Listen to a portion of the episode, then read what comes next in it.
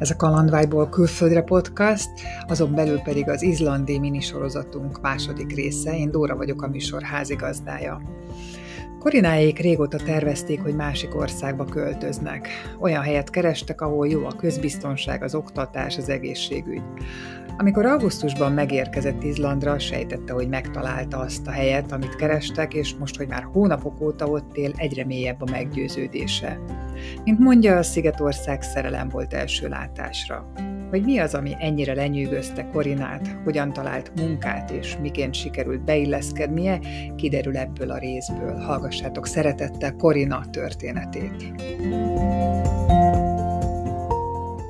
Konnát Korina vagyok, most már idén 27 leszek, és augusztus óta élek kint életvitelszerűen, tehát akkor költöztem ki ténylegesen, és júniusban jártam először Izlandon, és akkor két hónapra rá költöztem ki. Bontjuk ki ezt a történetet, hogy hogyan volt ez, miért pont Izland?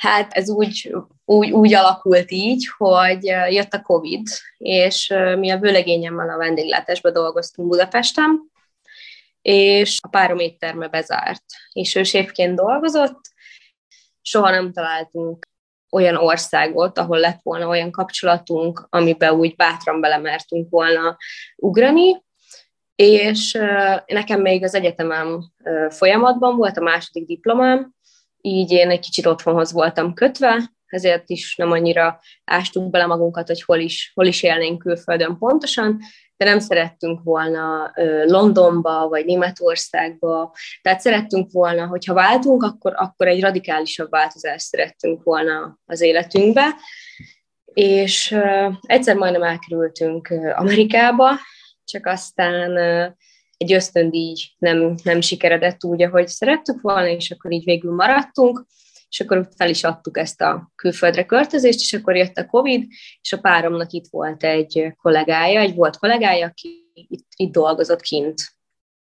És valahogy beszélgetésbe legyettek, és, és akkor mondta a Krisztián barátunk, hogy, hogy hát miért nem próbálja meg Peti itt, és akkor először egy ideiglenes megoldásnak gondoltuk, hogy Peti kijön ide addig, amíg, amíg ez a Covid le nem csillapodik, mert az elején még nem tudtuk, meddig fog tartani, vagy hogy először azt hittem mindenki szerintem, hogy ez egy pár hónap alatt lefolyik, és akkor majd jobb lesz.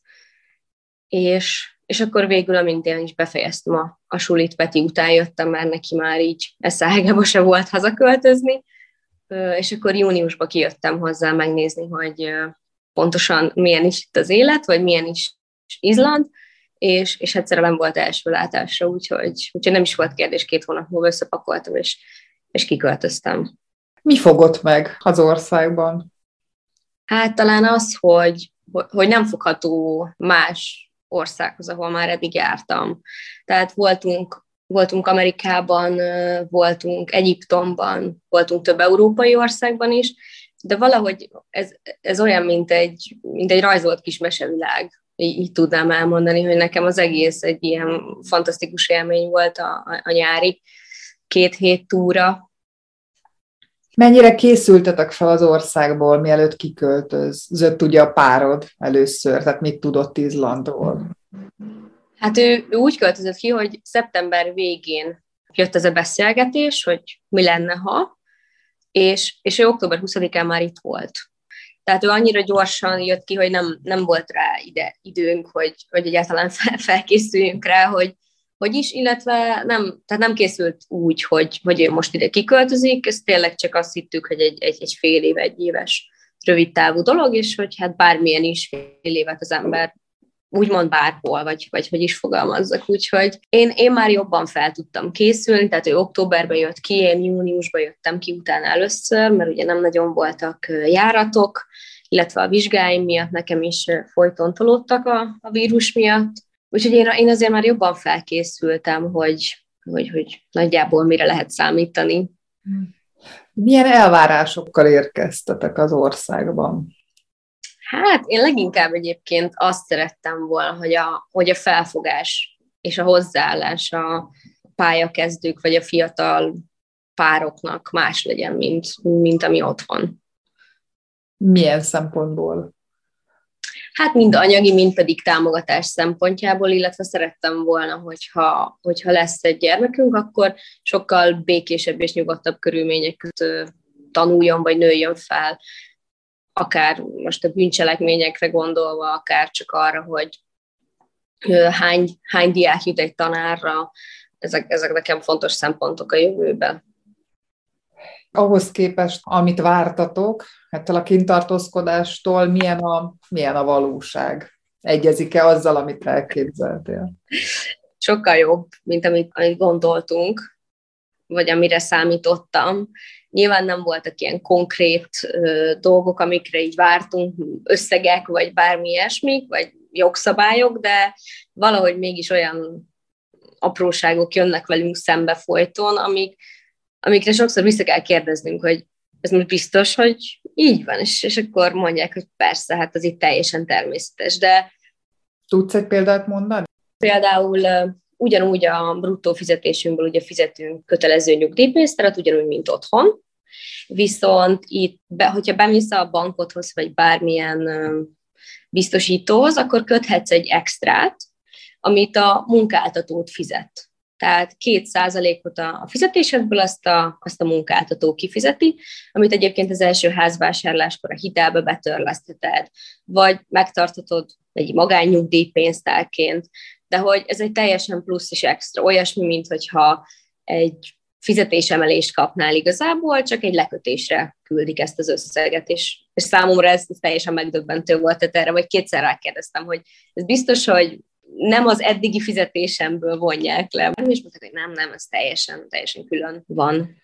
Nekem mindig nagyon érdekel, hogy hogyan történik a kiköltözés, tehát onnantól kezdve, hogy megszületett az elhatározás a párod részéről, hogy akkor ő megy ilyen kvázi előfutárként. Mi volt az, amit otthonról szerveztetek le? Tehát kerestetek-e Magyarországról lakást? Hát az úgy zajlott, hogy ugye a párunk a Krisztián barátja, ő, ő már akkor kint élt, ő megadta az akkori főnökének az elérhetőségét, és akkor oda elküldtük Petinek egy motivációs levelét, önéletrajzát, és akkor meg is volt ott a kontakt, de hát nyilván Krisztián által egyébként kerestek is embert, és várták is Petit. Ez egy hotel, vagy, vagy egy terem, vagy mi volt? Nem, ez egy ez Izland egyik legrégebbi pizzázója, az is a neve, hogy Pizzan, és egyébként kicsi a világ, mert a, az ilyen területi képviselő, vagy területi menedzser, szintén magyar, úgyhogy ráadásul egy megyéből Petivel, de előtte soha nem találkoztak, csak hogy kicsi a világ, és akkor ő ide került ki, és a Krisztián barátja akkor egy albérletben lakott, ami még egy hónapig volt meg, és akkor utána, mint Peti kijött, még két hétig volt meg az a lakás, és akkor a fiúk együtt ezekbe a hát igazából ilyen albérletes csoportokba Facebookon írtak egy hirdetést, és közben nagyon sokan jelentkeztek, és akkor úgy vettek ki egy, egy-egy szobát. Reykjavikban vagytok? Reykjavikban éltünk decemberig, és most igazából még ez is Reykjavikhoz tartozik, Grafavogurban lakunk most jelenleg. Kicsit olyan, mint mondjuk Zugló, vagy Újpest, vagy már így kijebb van a belvárostól, de még azt mondjuk, hogy oda tartozik. Kicsit már ilyen magánabb, vagy hogy is mondjam. Milyen nyelvtudással érkeztetek, hogy kommunikáltak? Hát mind a ketten angolul beszélünk, illetve én még spanyolul. Egyébként meglepően sokan beszélnek így spanyolul, sok mindenkinek, akiket eddig megismertem, ott van egy-kettő, akinek vagy az édesapja, vagy az édesanyja egyébként spanyol. Állítólag azért, mert nagyon sok spanyol nyaralójuk van az izlandiaknak, mert talán azt hiszem oda volt az első közvetlen járat, ha jól, jól hallottam. Sok szerelem született. Te ugye mondtad, hogy egyetemet végeztél, sőt a második diplomádat csináltad. Igen. De neked hogyan alakult a munkavállalásod? El tudtál-e a szakmádba helyezkedni egyetem? Mi a, mi a végzettséged? Igen, az első diplomám az egy turizmus vendéglátás, a második pedig gazdálkodásmenedzsment szakon végeztem, mind a kettőt a Kodolányi Egyetemen Budapesten, és utána még a PVC-nél csináltam egy mérleképes könyvelőit kiegészítésképpen, és amikor kijöttem, akkor nem tudom, hogy mennyire meséltek már, vagy hallottál arról, hogy itt van egy Kenitala nevezetük is azonosító számunk, ami úgy működik, hogy amikor ide kijössz, és munkát vállalsz, és még nincsen ilyen kenitalád, akkor be kell menned egy, hát olyasmi, mint a kormányablak otthon, és akkor le kell adnod a munkahelyi szerződésedet, az útleveledet, és kérvényezni kell, hogy te szeretnél ilyen kenitalált. Ez a kenital az itteni azonosító szám, itt nincsen külön adó, személyi, lakcímkártya, minden ilyesmit, ez az egy száma van mindenkinek, nem tartozik hozzá igazolvány, hanem bárki meg tudja nyitni, hogyha bediktálod ezt a számot, látják a nevedet, és akkor az útlevél fotódot, amit beszkennelnek hozzá, az látszik mellette, tehát semmilyen papírom nincsen, csak ez a, ez a kenitalám, és akkor ezt kapja meg a munkavállaló igazából az elején. És akkor onnantól számít az izlandi adózó munkavállalónak, és akkor onnantól már szinte ugyanazok a jogaid vannak, mint, mint egy igaz izlandinak. És azért, hogy nekem ez minél hamarabb meglegyen, hogy ne tartózkodjak sokáig az országba turistaként, ezért én elkezdtem dolgozni részmunkaidőben a pizzánál, hogy megkapjam a kenitalámat, nagyjából két-három hét leforgás alatt meg is kaptam ezt a, ezt a kis számot. Ez egy tízegyű számjegy, az első hat számjegye az a születési hónap, nap, évszámod, és akkor a maradék négy szám pedig egy, egy random négy szám, amit megkapsz. Mindenhol egyébként ezt használod, tehát akár hitel, akár telefonszámla, bármit szeretnél fizetni, mindenhol a Kenny találdat kérik. Ha garanciás terméket veszel, például akár egy tévét, minden ilyesmit, mindent ráraknak a Kenitala számodra minden boltba, mindenhol, és akkor nem kell őrizgetned a blokkot, hanem bármi problémád van, bemész, el, elmondod a Kenitaládat, és akkor mindent megtalálnak rajta. Lényegesen egyszerűbbnek tűnik az adminisztráció, mint nálunk a tamányféle ilyen-olyan kártyával. Igen, és akkor ehhez kapcsolódóan, ha megvan a Kenny talád, akkor tudsz bankszámlát nyitni, illetve akkor tudsz izlandi telefonszámot igényelni, és hogyha minden ilyesmit megvan, akkor tudsz kérni egy elektronikus ID-t, egy ilyen elektronikus azonosítót, mindenhol ezzel lépsz be, tehát olyan, mint az ügyfélkapu, minden ilyesmi itt is van, annyi, hogy a telefonszámodat beütöd a bejelentkezéskor, és a telefonodra automatikusan kiad egy elfogadó nyilatkozatot, utána az általad választott négy PIN kódot beütöd, és mindenhova így lépsz be, minden egyes weboldalra. Tehát ez is nagyon egyszerű, nem kell felhasználó neveket, illetve kódokat, jelszavakat folyton megjegyezni, és minden tárol is a telefonot, hogy mikor, hova léptél be. Tehát le tudják ellenőrizni még azt is, hogy hol tartózkodtál a mobil GPS alapján, ami szerintem nagyon hasznos, hogyha bárki bármit feltör.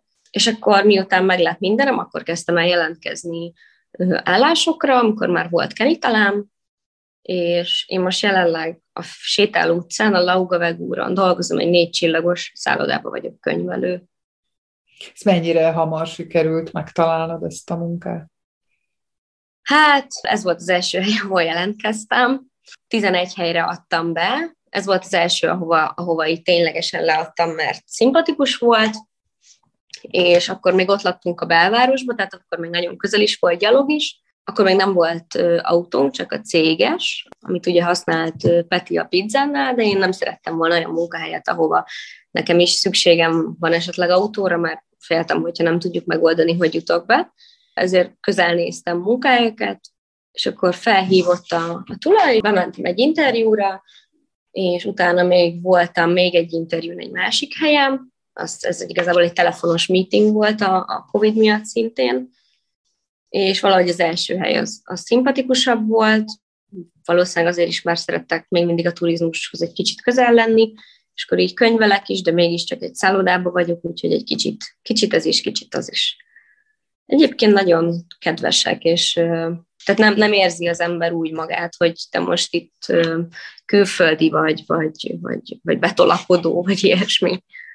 Sikerül közelebbi kapcsolatokat is kialakítani, tehát barátságokat helyiekkel? Igen, igen, al- alakulgatnak, nagyon kedves. Nagyon sokan vannak a lengyelek, tehát nagyon-nagyon sok lengyel kollégám volt, mind a két munkahelyemen, ugye, pizzámba is, illetve itt is, de nagyon vegyes. Most például több kolléganőm is litván, illetve a, akik a szépségiparba dolgoznak, tehát körmösök, pillások, fodrászok, ők pedig inkább lettek, főleg lányok nyilván, mármint, hogy így a, kolléganők is, a litvánok is lettek is inkább, inkább lányok. A lengyeleknél már azért vannak fiúk is, illetve nagyon sok lengyel dolgozik ugye az építőiparban a férfiak közül, velük nyilván annyira nincs, szóval elég sok lányjal van így, így kontaktom, és mindenki nagyon kedves, és mindenki azért érkezett ide, már valahogy más látásmódunk volt mindannyiunknak, mint a, mint a saját országunknak. Úgyhogy, úgyhogy jó közös nevezőt találni. Izlandiakkal, tehát helyi emberekkel tudtok-e kialakítani mélyebb barátságot? Érdekesek nagyon az izlandiak, mert borzalmasan zárkózottak, de abban a pillanatban, hogy segítséget kérsz, vagy segítségért fordulsz hozzájuk, nagyon-nagyon segítőkészek lesznek. Az egyik kollégám a Teodor, nekem ő a, ő a kedvenc izlandim jelenleg, ő, ő mindig, tehát bármikor, bármit szerettem volna megkérdezni, akár az izlandi nyelvvel kapcsolatban, vagy csak bármi érdekességet, mindig nagyon segítőkész, illetve a jelenlegi főnököm is izlandi, nyilván vele nem a, a barátság, de hogy a, a segítőkészségben ő is, tehát hogy nagyon, nagyon nyitottak, hogyha, hogyha érdeklődő vagy. Mennyire drága az ország? Hát, ez nézőpont kérdése, mármint, hogy magyar fizetéssel nagyon, de, de izlandi fizetéssel nem. Tehát összehasonlításképpen, hogyha így én otthon is, biztos a szakmámból adódóan is, de én otthon is mindig kiszámoltam, hogy mennyit keresek, mennyi a fix kiadásom, mennyit költök mondjuk egyebekre, tehát akár szórakozásra, akár étkezésre, vagy bevásárlásra, bármi ilyesmire, és százalékosan sokkal jobban jövök ki Tehát, hogyha arányait nézem, akkor, akkor sokkal több, többet tudok félretenni itt. Van-e alkalmatok, módotok arra, hogy így a természeti kincsekkel, ami ugye nagyon ismert, hogy mennyire sok szép természeti kincse van az országnak, hogy ismerkedjetek egy kicsit. Igazából ezt a Reykjavik és um, ilyen három órára, ami így cikcakban van, azt, azt mindet bejártuk, amit tudtunk. Úgyhogy most már a, a szigetnek a fent, illetve a teljesen túloldala az, ami tehát szeretnénk szervezni majd egy körtúrát, arra még, arra még nem volt időnk, de szerintem arra, arra lehet, hogy kell két vagy három hét is akár, és akkor több szállást lefoglalni, vagy lakókocsit esetleg, tehát az, az a rész. Viszont azt ugye csak nyáron lehet, tehát uh, itt már azért októbertől kezdve vannak utak, amiket teljesen lezárnak, tehát bizonyos részei járhatatlanok, bármennyire is gyönyörű, és az embernek van ideje, nem, nem tudsz eljutni esély az időjárásról, hogy sikerült megszokni, azért hidegebb, mint a magyar klíma. Hát igen, igazából most jó, jól kifogtam itt az első telet, mert azt mondják, hogy öt éve nem volt akkora hó és szélvihar, és nem tombolt ennyire, úgyhogy most nagyon kifogtuk. Hát most nem látod, de jelenleg olyan jó, jó 40-50 centi hó van a teraszon, most borzalmas idő volt az elmúlt napokban, tegnap dolgozni sem mentem, mert akkora hó volt, hogy nem tudtuk kiásni a kocsit alóla, úgyhogy ez, ez igen, ez előfordul. Ami a legrosszabb egyébként, az, az nem is a hőfok, vagy a, vagy a hőérzet, tehát nem is a hideg, hanem a szél a szél az, ami, ami nagyon gyilkos tud lenni, mind, mind a bőrre nézve, mind pedig egy jó migrénes fejfájás, azért az elég gyakran előfordul. Pedig én nem voltam soha fejfájós típus otthon, tehát engem az otthoni frontok úgy nem viseltek meg, viszont a, az itteni szél az nagyon, nagyon meg tud fújni, és akkor viszont a, a fejfájás az gyakori. Főzöl? Igen. Magyar konyhát viszel, vagy, vagy ismerkedsz a helyi receptekkel? Hát is is. Mi otthon is, ugye amiatt is, hogy párom séf, mi elég sok félét tettünk otthon is, tehát ö, otthon is nagyon szerettünk tengergyümölcseit vásárolni, vagy halakat, vagy különlegesebb ételeket, vagy néha-néha belekóstolni, tehát szoktunk egy-egy ilyen vegan napot tartani, vagy vegán napot tartani, szóval szeretjük tesztelgetni, de egyébként nagyon sok otthonról hozott dolog van, tehát van, ami, van, amit nem tudunk beszerezni itt. Például nyilván a, a piros paprikát, vagy egy, egy erős pistát nem tudunk beszerezni, vagy egy piros aranyat, vagy bármi hasonlót, ami, ami szükséges, úgyhogy vannak dolgok, amiket minden egyes hazautazásunkkor, vagy ha valaki kijön hozzánk, akkor hozatunk. Van kedvenc helyi ételed? Hát ezt a lökfiszkúrt nevezik az egyik helyi ételnek, van, ahol nagyon jól készítik, illetve nagyon sok helyen van homárkrémleves, és nagyon-nagyon finoman tudják elkészíteni. Úgyhogy ezek nagy kedvenceim. Illetve nagyon sok ilyen, hát nem tudom, halhentes, meg nevezik? Csak nyers halat kapsz, tehát nincsenek húsok, csak halfajták, de abból 15 féle. Mondjuk ugye túl hideg ahhoz az óceán az része, hogy a kagyló, vagy ezek megjelennek benne, de lehet kapni természetesen, csak mondjuk az norvég, vagy dán, vagy, vagy ilyesmi. Mit volt a legkönnyebb, majd a legnehezebb megszokni az országban? Hát a legnehezebbnek a szelet, a szelet mondanám. A, a legkönnyebb, ahhoz, ugye én Pesten laktam az elmúlt években az egyetem miatt, az a közlekedés. Az borzalmasan jó. Milyen? Tömegközlekedés az szinte nincs is, tehát vannak buszok, de ennyi. Mm, bevallom őszintén még sosem ültem buszra, mert akármikor úgy adódott volna, hogy buszoznom kellett volna, inkább gyalogoltam, vagy béreltem rollert, mert annyira nagy kört tettem volna busszal, vagy mondjuk inkább mindig béreltem egy rollert. Autóval a, a közlekedés, tehát az utak nagyon jók, a lámpák nagyon össze vannak hangolva, tudom, hogy nyilván nincs akkora, nem is lehet akkora dugó, mert hogy nem élnek itt annyian, mint Budapesten, de hogyha arányosítva nézem, nem is tudom, talán ha Szegedet vagy Debrecent összeadom, nem is tudom, hogy mennyien élhetnek összesen így, vagy mennyien használnak autót Reykjavikba, de alapból mindenhol, ami főút, az háromsávos. Mm. Tehát szerintem már ez önmagában nagyon sokat segít, illetve tényleg jó az útnak a minősége, szélesek az utak, nagyon kevés helyen van lámpa, tényleg csak ahol indokolt, úgyhogy azért elég sok szempontból megkönnyítik azt, hogy ne is legyen dugó. Milyen gyakran jártok haza? Hát igyekszünk három-négy havonta. Hogy tervezitek egyébként? Hosszú távra? Igen, abszolút, abszolút. Most egy évre írtuk alá a, a lakásunkat decemberben, amit kibéreltünk itt Grafabogurba, és szeretnénk itt, itt, itt maradni még az elkövetkezendő jó pár évben. Tehát itt szeretnénk gyermeket vállalni, és én szeretném, hogy óvodába is mindenképpen itt, tehát elvégezze legalább az óvodát, hogy minél több nyelvismerete legyen, mert tanulnak az óvodába izlandi nyelven, angolul és dánul.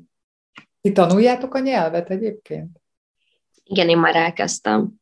Mit tanácsolsz annak, aki fontolgatja, hogy Izlandra költözik? Az angol nyelvtudás az mindenképpen elengedhetetlen. Tehát egy erős, egy erős angol nyelvtudás. És hát igazából az elején nagyon sok pénz. Ahhoz, hogy mire megkapod az első fizetésedet, ki tudj venni egy albérletet, és addig az megélhetést tényleg meg tud oldani az első fizetésig legalább. Nagyságrendileg be tudod lőni, hogy mennyi pénz kell ahhoz? Hát én azt gondolom, hogy egy, egy másfél millió forint érdemes, hogy legyen a zsebben, hogyha bármi, bármi történik, akkor, akkor azért legyen mihez nyúlni. Persze vannak olyan szobák, ahol nem kérnek semmiféle előleget, de én azt gondolom, hogy, hogy jobb, jobb biztosra menni és kivenni egy olyan lakást, ahol kifizetsz egy-két hónap kaukciót, és akkor esetleg fél évre kibéreled, és egyrészt jobban jössz ki, hosszú távon, másrészt így is úgy is kell egy bejelentett lakcíma a kenitala miatt. Van-e valami olyan történet, ami ott kint esett meg veletek, és szívesen megosztanád a hallgatókkal? Most itt azért amikor tegnap reggel lementem, és azt láttam, hogy, hogy nem látom az autót egyáltalán a hótól, és hogy, és hogy tényleg ezért kellett betelefonálnom a munkahelyemre, hogy, hogy szó, szó szerint nem tudok bejutni, akkor én, én nem is tudom, hogy valaha láttam ennyi, ennyi havat, vagy, vagy így ezt így nem is volt érdemes ellapátolni, tehát tényleg csak vártuk, hogy jöjjön egy hókotró, és valahogy körbe kotorja az autót, mert hogy én ilyen mennyiségű havat szerintem összesen nem láttam egész életemben. A, ez, ez talán az egyik ilyen megdöbbentő dolog talán, ami kicsit így sokkolja az embereket. A, a másik pedig, ami, ami szerintem az az első sarki fény, amit láttam itt. Az egy, az egy nagyon maradandó dolog szerintem így minden, minden embernek, aki lát egy ilyen csodálatos természeti jelenséget. Illetve ugye a vulkánt is láthattam, mert még, még mozgásban volt, amikor kijött jöttem, szóval láthattam. Úgyhogy ezek olyan élmények, amit egy ember sose felejt el, nyilván turistaként sem, de, de így itt élve, hogy, hogy ez a csoda, hogy bármikor, amikor kinézel az ablakon, akkor esélyed van arra, hogy, hogy láss egy ilyen csodát. Ez az, ami szerintem ilyen felülmúlhatatlan minden egyes este. De egyébként a sarki fényt azt így akár az ablakodból is láthatod? Igen. Hm. Hát a belvárosban, ahol nagyon nagy fényszennyezés van, ott kevésbé, de egyébként most az elmúlt napokban voltak olyan fotók ebbe az Aurora csoportba, hogy, hogy valaki látta a város felett is, most annyira erős volt.